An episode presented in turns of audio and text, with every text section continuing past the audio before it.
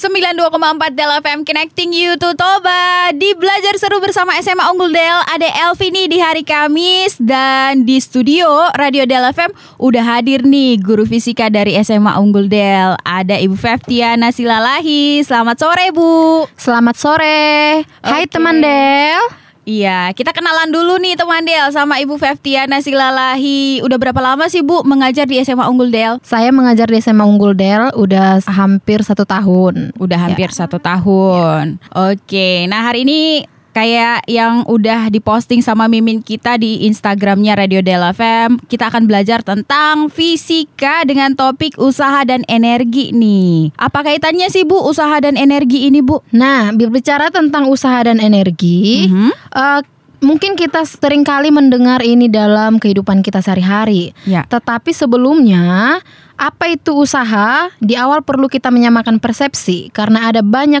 miskonsepsi terkait usaha itu sendiri. Nah, apa sih yang dimaksud dengan usaha? Ya, usaha itu bisa kita tinjau dari konteks fisika Ya. dan dari konteks keseharian. Apakah itu sama? Kita akan ulas ya. Kita akan ulas satu persatu. Nah, eh, seperti contoh kita kasih ya. Dalam keseharian Yap. kita katakan segala sesuatu yang dikerjakan oleh manusia itu berarti sudah berusaha. Nah, apakah ini juga termasuk usaha dalam fisika? Contohnya nih, eh, Nadira berusaha keras mempelajari konsep materi usaha dan energi yang akan diujikan minggu depan. Ini Oke. dalam keseharian dikatakan melakukan usaha. Usaha keras gitu ya? Iya, berusaha keras. Tapi dalam konteks fisika ini tidak dikatakan mela- me- melakukan usaha. Kenapa? Nanti kita akan tinjau ke situ. Nah, contoh yang kedua, ini Andra berusaha meyakinkan tentang perasaannya kepada Nadira. Nah, siapa teman Del yang Ayo. biasanya di sini setiap harinya pernah mengungkapkan perasaannya dan mencoba meyakinkan ya bahwasanya perasaannya itu sangat sungguh luar biasa terhadap orang yang disukainya. Tapi nah, feeling Elvi ada yang usaha tapi ditolak-tolak terus nih Bu. Nah, itu dikatakan dalam keseharian berusaha, Ibu. Ya. Jadi di sini konteks fisikanya itu tidak melakukan usaha. Kenapa? Nah, apa sebenarnya usaha dalam konteks fisika? Ya, sebagai suatu besaran fisika, usaha dalam usaha memiliki pengertian yang khas, ya. Yap. Jadi ketika benda didorong atau ditarik, maka benda bisa berpindah atau tetap pada tempatnya. Nah, Oke. kita tinjau dulu yang berpindah dan tetap pada tempatnya. Jadi di sini ada dua kasus nih, sama-sama diberikan gaya, tetapi yang satu tetap pada tempatnya, yang satu lagi berpindah. Ya, jadi eh, yang berpindah ini itulah yang dinamakan melakukan usaha. Diberikan gaya sehingga memberikan perpindahan gitu ya. Jadi itu dikatakan melakukan usaha. Nah, jadi kalau misalnya nih, Hil eh, dikasih contoh, Hilda mengarahkan gaya ototnya untuk mendorong mobil yang mogok. Nah, mobil, mobilnya mogok nih di tengah jalan dan dia mendorong, tetapi mobilnya tidak bergerak. Jadi walaupun si Hilda di situ sudah sampai berkeringat, ya, udah usaha yang dilakukan sudah dalam konteks keseharian sudah sangat besar, tetapi dalam konteks fisika ini tidak di- em, tidak melakukan usaha karena memang mobilnya tidak berpindah. Tidak bergerak. Iya, tidak bergerak, tidak berpindah, tidak berubah posisi dari awal ke akhirnya ya. Ya. Jadi di sini eh, contoh yang melakukan usaha itu seperti apa nih? Ketika Andra mendorong kursi dari dapur ke ruang tengah, berarti di sini ada perpindahan, ada gaya untuk mendorong, ada perpindahan yang diberikan dari dapur ke ruang tengah. Berarti di sini Andra sudah melakukan Usaha. Ya, iya, usaha. Dalam Jadi- artian fisika. Iya, dalam artian fisika. Oke, itu dia teman Del gambaran umum ya. Usaha kayak tadi mengungkapkan perasaan dalam sehari-hari kita juga menyebutnya sebagai usaha. Dalam fisika itu ada beberapa jenis usaha sih. Nah, eh, tadi kan kita sudah tinjau contoh-contoh dalam konteks fisik yang dikatakan melakukan usaha. Ya. Nah, perlu kita pahami ada dua variabel yang menjadi kontributor dalam melakukan usaha. Apa aja tuh, Bu? Nah, usaha dilakukan pada sebuah sistem jika gaya yang diberikan itu menghasilkan perpindahan. Berarti di situ variabelnya eh, ada gaya, Ya. ada perpindahan. Berarti kalau saya memberikan gaya tetapi tidak menghasilkan perpindahan, tidak dikatakan melakukan usaha. Iya. Walaupun saya memberikan gaya tetapi tidak menghasilkan perpindahan, berarti saya tidak melakukan usaha.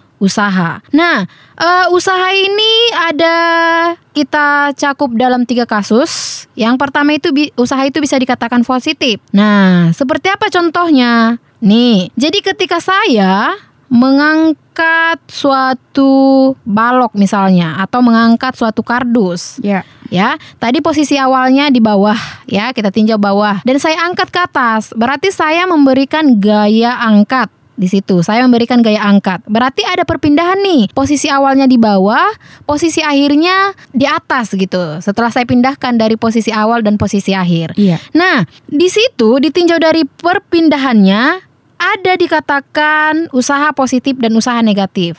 Nah, yang mana itu usaha positif dan usaha negatif?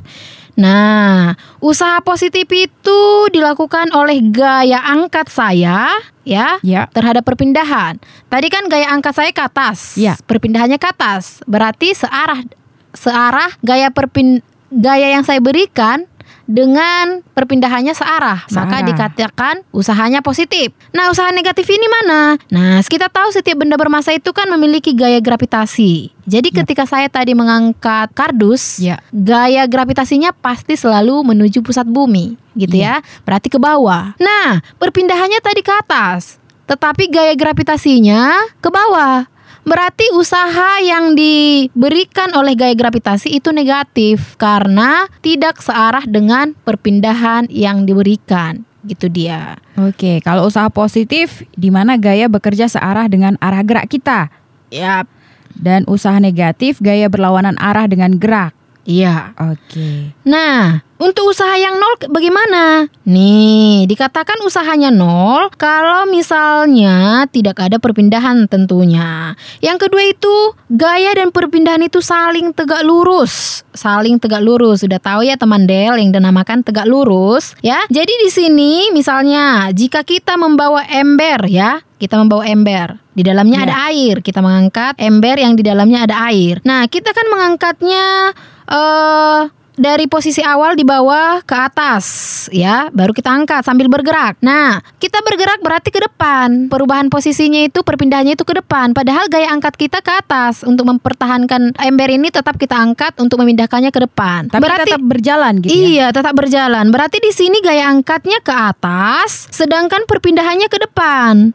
Nah, itu kan dinamakan tegak lurus. Berarti di situ usaha yang diberikan oleh gaya angkat saya dikatakan nol karena tadi tegak lurus terhadap perpindahan yang saya lakukan. Nah, usaha yang dilakukan yang saya lakukan karena gaya gravitasi juga nol karena dia gaya gravitasi tadi arahnya ke bawah. Iya. Perpindahannya ke depan, tegak lurus. Berarti usaha yang dilakukan oleh gaya gravitasi juga dikatakan nol. Oke, itu dia teman Del tentang jenis-jenis usaha. Ternyata ada usaha negatif, positif, dan usaha nol ya ketika gaya bekerja tegak lurus gerak atau gaya yang diberikan tidak menghasilkan perpindahan. Iya. Waduh, bicara usaha nggak cuma dalam keseharian aja ya banyak jenis usahanya di fisika juga banyak ternyata ya Bu ya. Iya. Nah, tadi kan kita perlu nih menyamakan persepsi tentang konsep usaha supaya kita bisa mensituasikan uh, penggunaan konsep usaha dalam fisika dan usaha dalam keseharian. Iya. Nah, uh, Ibu Evi sudah pernah belum ke Malioboro? Aduh, belum Bu, tapi itu jadi destinasi yang masuk dalam list tempat tujuan. Ya, nah ini saya punya cerita unik nih terkait eh, pengalaman Profesor Valentino yang sedang berkeliling di seputar Malioboro. Waduh, asik nih teman Del ada cerita nih dari Bu Fefti. Ya, nah jadi Profesor Valentino ini berjalan-jalan di seputar Malioboro. Mhm. Setelah lelah berjalan, ia melihat sebuah becak wisata melintasi di dekatnya. Ia menghentikan becak itu, menaikinya, dan meminta tukang becak berkeliling di seputar Malioboro. Sambil Iya. becak berjalan, Profesor bertanya, apakah tukang becak pernah belajar fisika? Mhm. Tukang becak yang lulusan SMP dengan mantap menjawab pernah. Nah, setelah berkeliling dan sampai ke tempat semula, profesor turun. Ia berpikir sejenak dan memberi satu lembar seribuan kepada tukang becak. Nah, tukang becaknya ini terkejut dan dengan ramah menjelaskan bahwa tarif berkeliling adalah sepuluh ribu rupiah. Profesor menanggapi dengan tenang dan menjelaskan bahwa becak yang berkeliling memiliki perpindahan nol karena kembali ke titik awal berangkatnya. Menurut fisika yang telah Bapak pelajari di SMP, usaha oleh gaya otot yang Bapak kerjakan pada becak adalah nol karena becak tidak berpindah. Waduh. Jadi saya tidak perlu membayar membawa saya berkeliling. Sebagai tanda terima kasih saya, saya memberi Anda tip seribu rupiah. Nah, tukang becak ini sambil ter tersenyum lalu berkata, Bapak Profesor kalau tidak punya uang bilang saja, jangan malah ngajarin saya fisika. Tapi memang kalau dari ilmu fisika, apalagi tadi usaha, emang begitu ya Bu ya, kembali ke nol ya, tidak ada Iya, usaha pada memang akhirnya. dari konteks fisikanya, Profesor itu eh, mengatakan yang sebenarnya, bahwasanya Iya. memang si tukang becak tidak melakukan usaha karena tadi posisinya kembali ke semula gitu. Waduh, tapi bahaya nih kalau dibawa ke diaplikasikan kehidupan sehari-hari, ya kan? Iya, jadi konsep usaha itu walaupun ditinjau dari fisika berbeda dengan usaha dalam keseharian. Jadi persepsi itu sangat perlu disamakan gitu.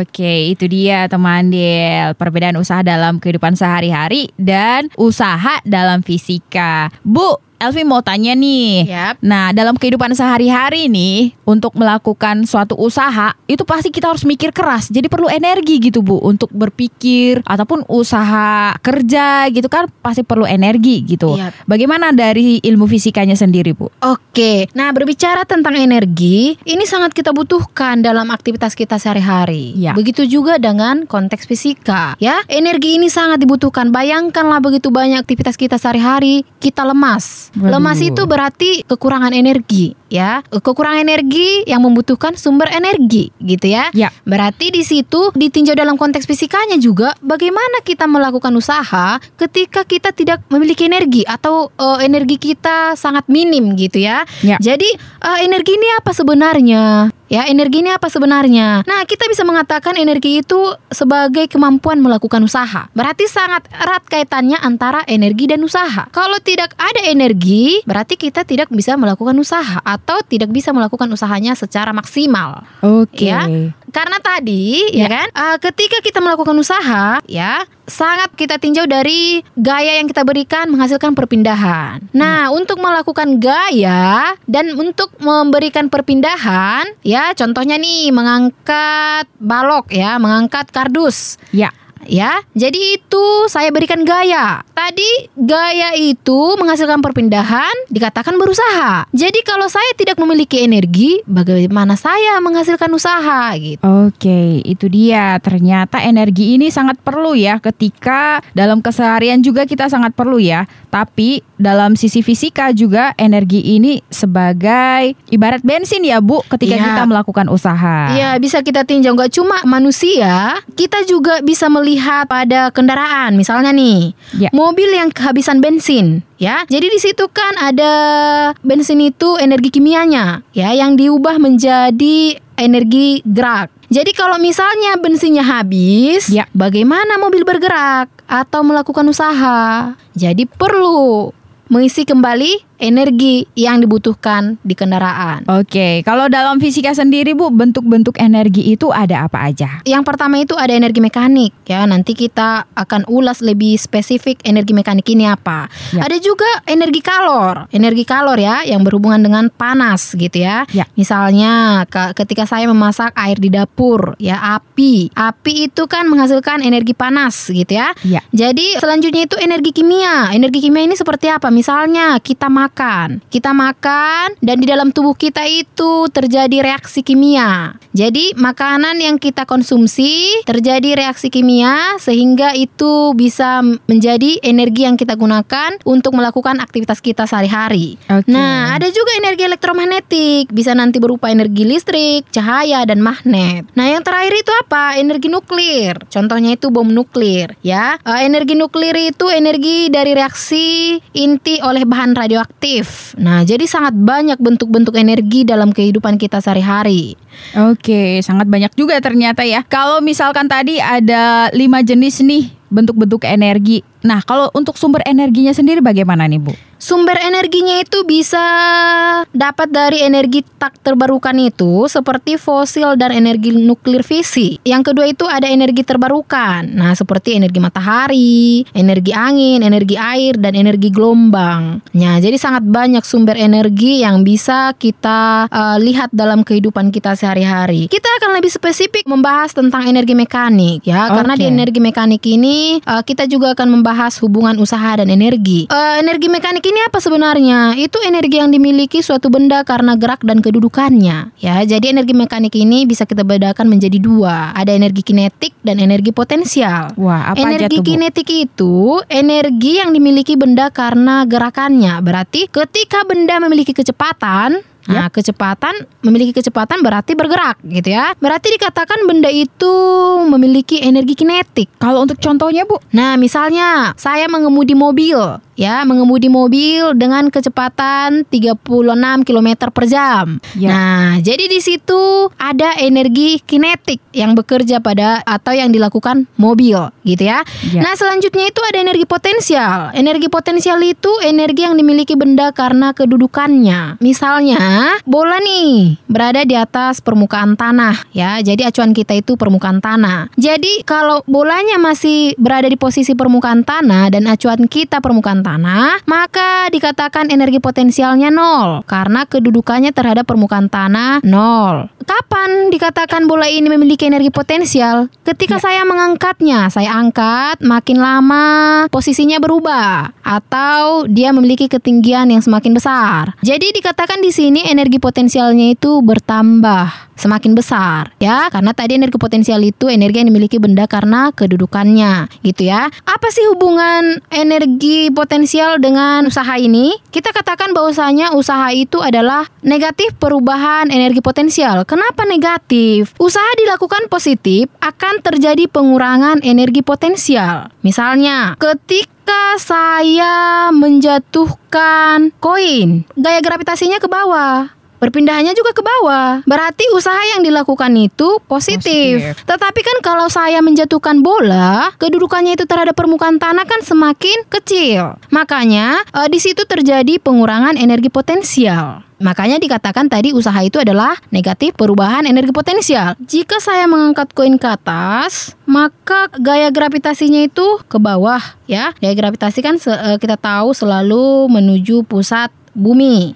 Ya. ya, perpindahannya itu bisa kita lihat nih. Ketika saya mengangkat, berarti perpindahan awal di bawah. Jadi saya angkat ke atas, maka perpindahannya itu ke atas, gitu ya. Berarti usaha yang dilakukan itu negatif, walaupun di situ terjadi pertambahan energi potensial. Maka dikatakan di sini jika usaha yang dilakukan negatif, maka energi potensialnya itu bertambah. Itu contohnya tadi. Jadi kan dalam mengangkat koin ini ya tentunya kita membutuhkan gaya lain atau gaya eksternal yang membuat benda bergerak ke atas. Itu dia teman Del, kaitan antara usaha dan energi yang tadi ternyata ada dua juga ya. Ada energi kinetik dan energi potensial. Nah, kita lanjut lagi ngomongin tentang energi nih Bu. Bagaimana sih sifat energi itu sendiri? Sifat energi itu sendiri bersifat kekal ya, sesuai dengan hukum kekekalan energi yang mengatakan bahwa energi tidak dapat diciptakan dan di, tidak dapat dimusnahkan tetapi energi bisa mengalami perubahan bentuk dari bentuk satu menjadi bentuk lain. Misalnya nih, energi bahan bakar berubah menjadi energi kinetik yang dimiliki kendaraan. Tadi kan energi bahan bakar itu energi kimia. Ya, energi kalor juga di situ ada, ya. Jadi diubah menjadi energi kinetik, makanya mobilnya bisa bergerak. Oke. Okay. Gitu ada kecepatan. Jadi ketika ada dikasih bensin, mm -hmm. maka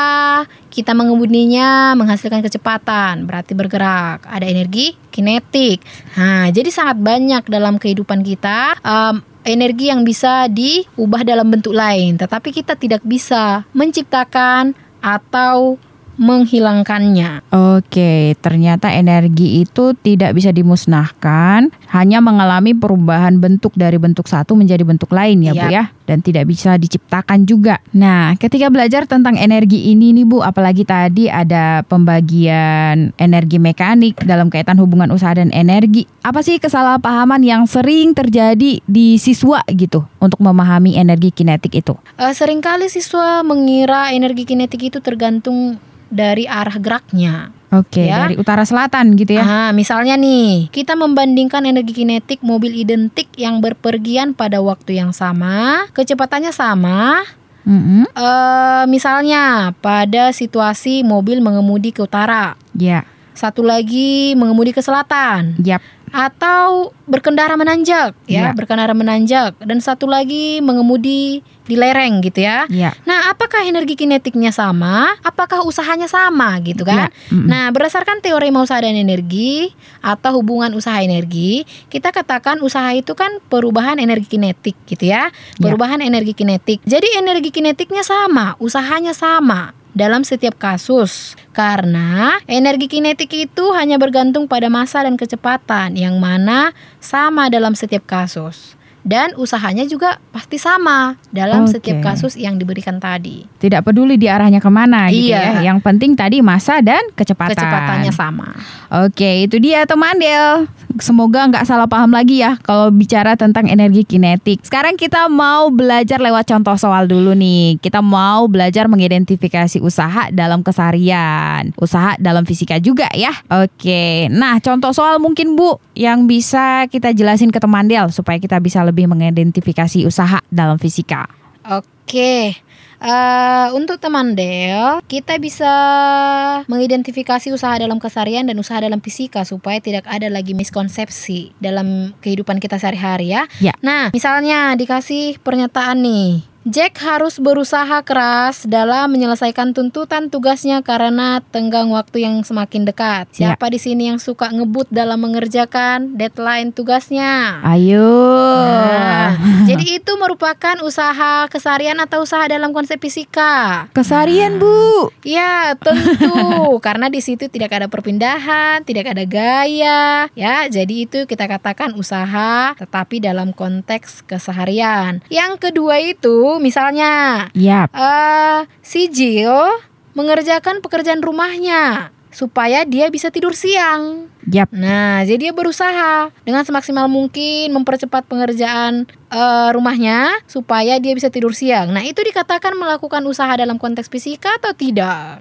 Hmm, tidak. Nah, kenapa? Ya, bisa dilihat di situ ya, karena memang eh, di dalam kasus ini kita bisa melihat tidak ada perpindahan yang dilakukan. Memang dia sudah berusaha mengerjakan pekerjaan rumahnya supaya bisa tidur siang, tetapi dalam konteks fisika itu tidak merupakan melakukan usaha. Oke. Oke, selanjutnya Jack menimba air dari sumur karena air keran mati. Ya, siapa yang pernah mengalami kasus demikian? Elvi juga pernah nih, teman Ya. Del pernah nggak? Nah, jadi di situ kan kita memberikan gaya, ya, gaya otot kita nih untuk mengangkat uh, air dari sumur. Ya. Nah, tadi kan di bawah nih, airnya di dalam sumur, kita menggunakan ember, kita angkat ke atas ke dalam penampungan kita, berarti di situ ada perpindahan. Maka dalam kasus ini kita dikatakan melakukan usaha. Oke, itu dia nih satu contoh soal yang udah dipaparin sama Ibu Feftiana Silalahi. Udah ada dua pertanyaan yang masuk di WhatsAppnya Radio Del FM di 0811 6219 924. Kita mau sapain dulu Nando yang udah tanya nih. Bu, aku mau tanya nih, kemarin 17-an nih kami ada ikutan pertandingan tarik tambang. Tapi grup A sama grup B kayaknya sama-sama kuat bu. Jadi nggak bergeser itu tarik tambangnya. Kami melakukan usaha nggak di situ? Nah gimana tuh bu kasusnya? Eh, Oke teman Del, nah terkait pengalamannya ya, kebetulan masih 17-an, masih Iya. hangat-hangatnya ya. Sama merdeka Iya. gitu ya. Jadi di situ dikatakan grup A sama grup B eh, melakukan tarik tambang nih. Tetapi mereka memberikan gaya masing-masing dengan kekuatan super duper mereka ya. Ya. Jadi eh, si grup A memberikan gaya dengan eh, besar tertentu, si grup B juga memberikan gayanya. Jadi di situ mereka seimbang, tidak ada pergeseran, tidak ada perpindahan. Dikatakan tarik menarik yang seimbang, ya. Seimbang Berarti gitu di ya. situ tidak melakukan usaha. Meskipun udah berkeringat gitu ya Iya. mempertahankan tali tambangnya ternyata, ternyata kalau dalam konsep fisika. makanya fisika ini kadang kejam ya. Jadi sama kayak profesor tadi ya, cuma dibayar seribu. Jadi di situ karena tarik menariknya yang seimbang, Iya. tidak ada perpindahan, maka dikatakan tidak melakukan usaha. Waduh, itu dia. Ternyata nih dengan berat hati Nando, kalian disebut dalam ilmu fisika tidak melakukan usaha. Sabar-sabar ya. Mungkin lain kali kalau ada pertandingan tarik tambang, usaha kamu harus lebih kenceng lagi biar menang, biar ada usahanya, biar bisa dihitung dalam ilmu fisika. Oke, kita lanjut lagi nih ke pertanyaan kedua yang udah masuk di 08116219924. Ada Sansiska nih dari lagu Boti yang udah kirim pertanyaan ya. Hai Sansiska, selamat sore. Ini nih aku mau tanyain pertanyaan kamu nih. Bu, kalau misalkan bel di sekolah itu perubahan energi apa sih yang terjadi di situ? Katanya gitu. Ah, Oke teman Del.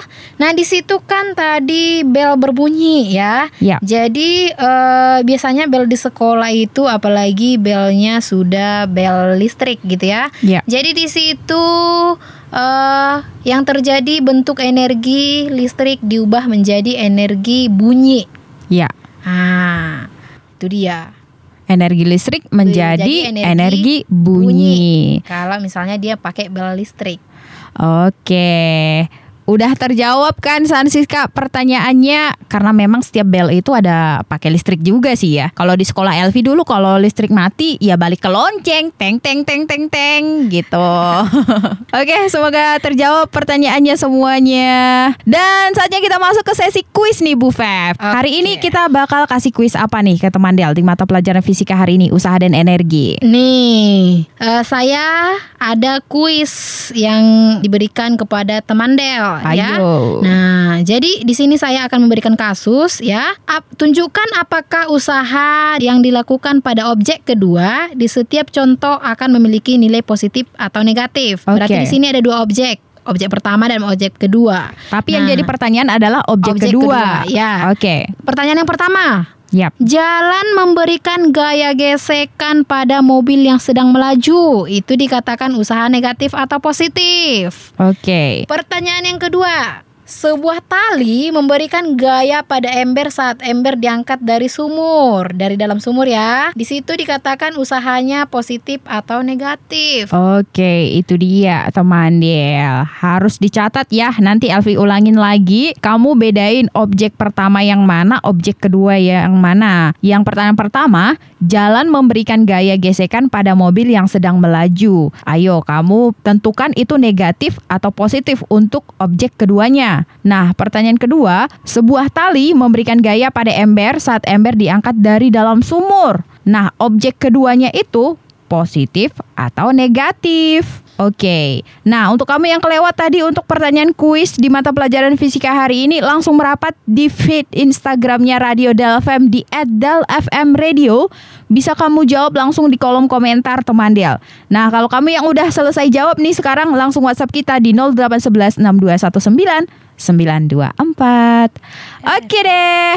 Selesai udah ya mata pelajaran kita hari ini, kelas hari ini. Oke, terima kasih untuk Ibu Feftiana Silalahi. Terima kasih untuk teman Del yang setia mendengarkan. Oke. Nanti di mata pelajaran fisika selanjutnya kita akan belajar apa nih Bu kira-kira? Eh, untuk pelajaran fisika selanjutnya kita akan belajar impuls dan momentum. Waduh, apa sih maksud dari impuls dan momentum ini dalam ilmu fisika? Makanya kamu harus ikutin kita terus di Belajar seru bersama SMA Unggul Del.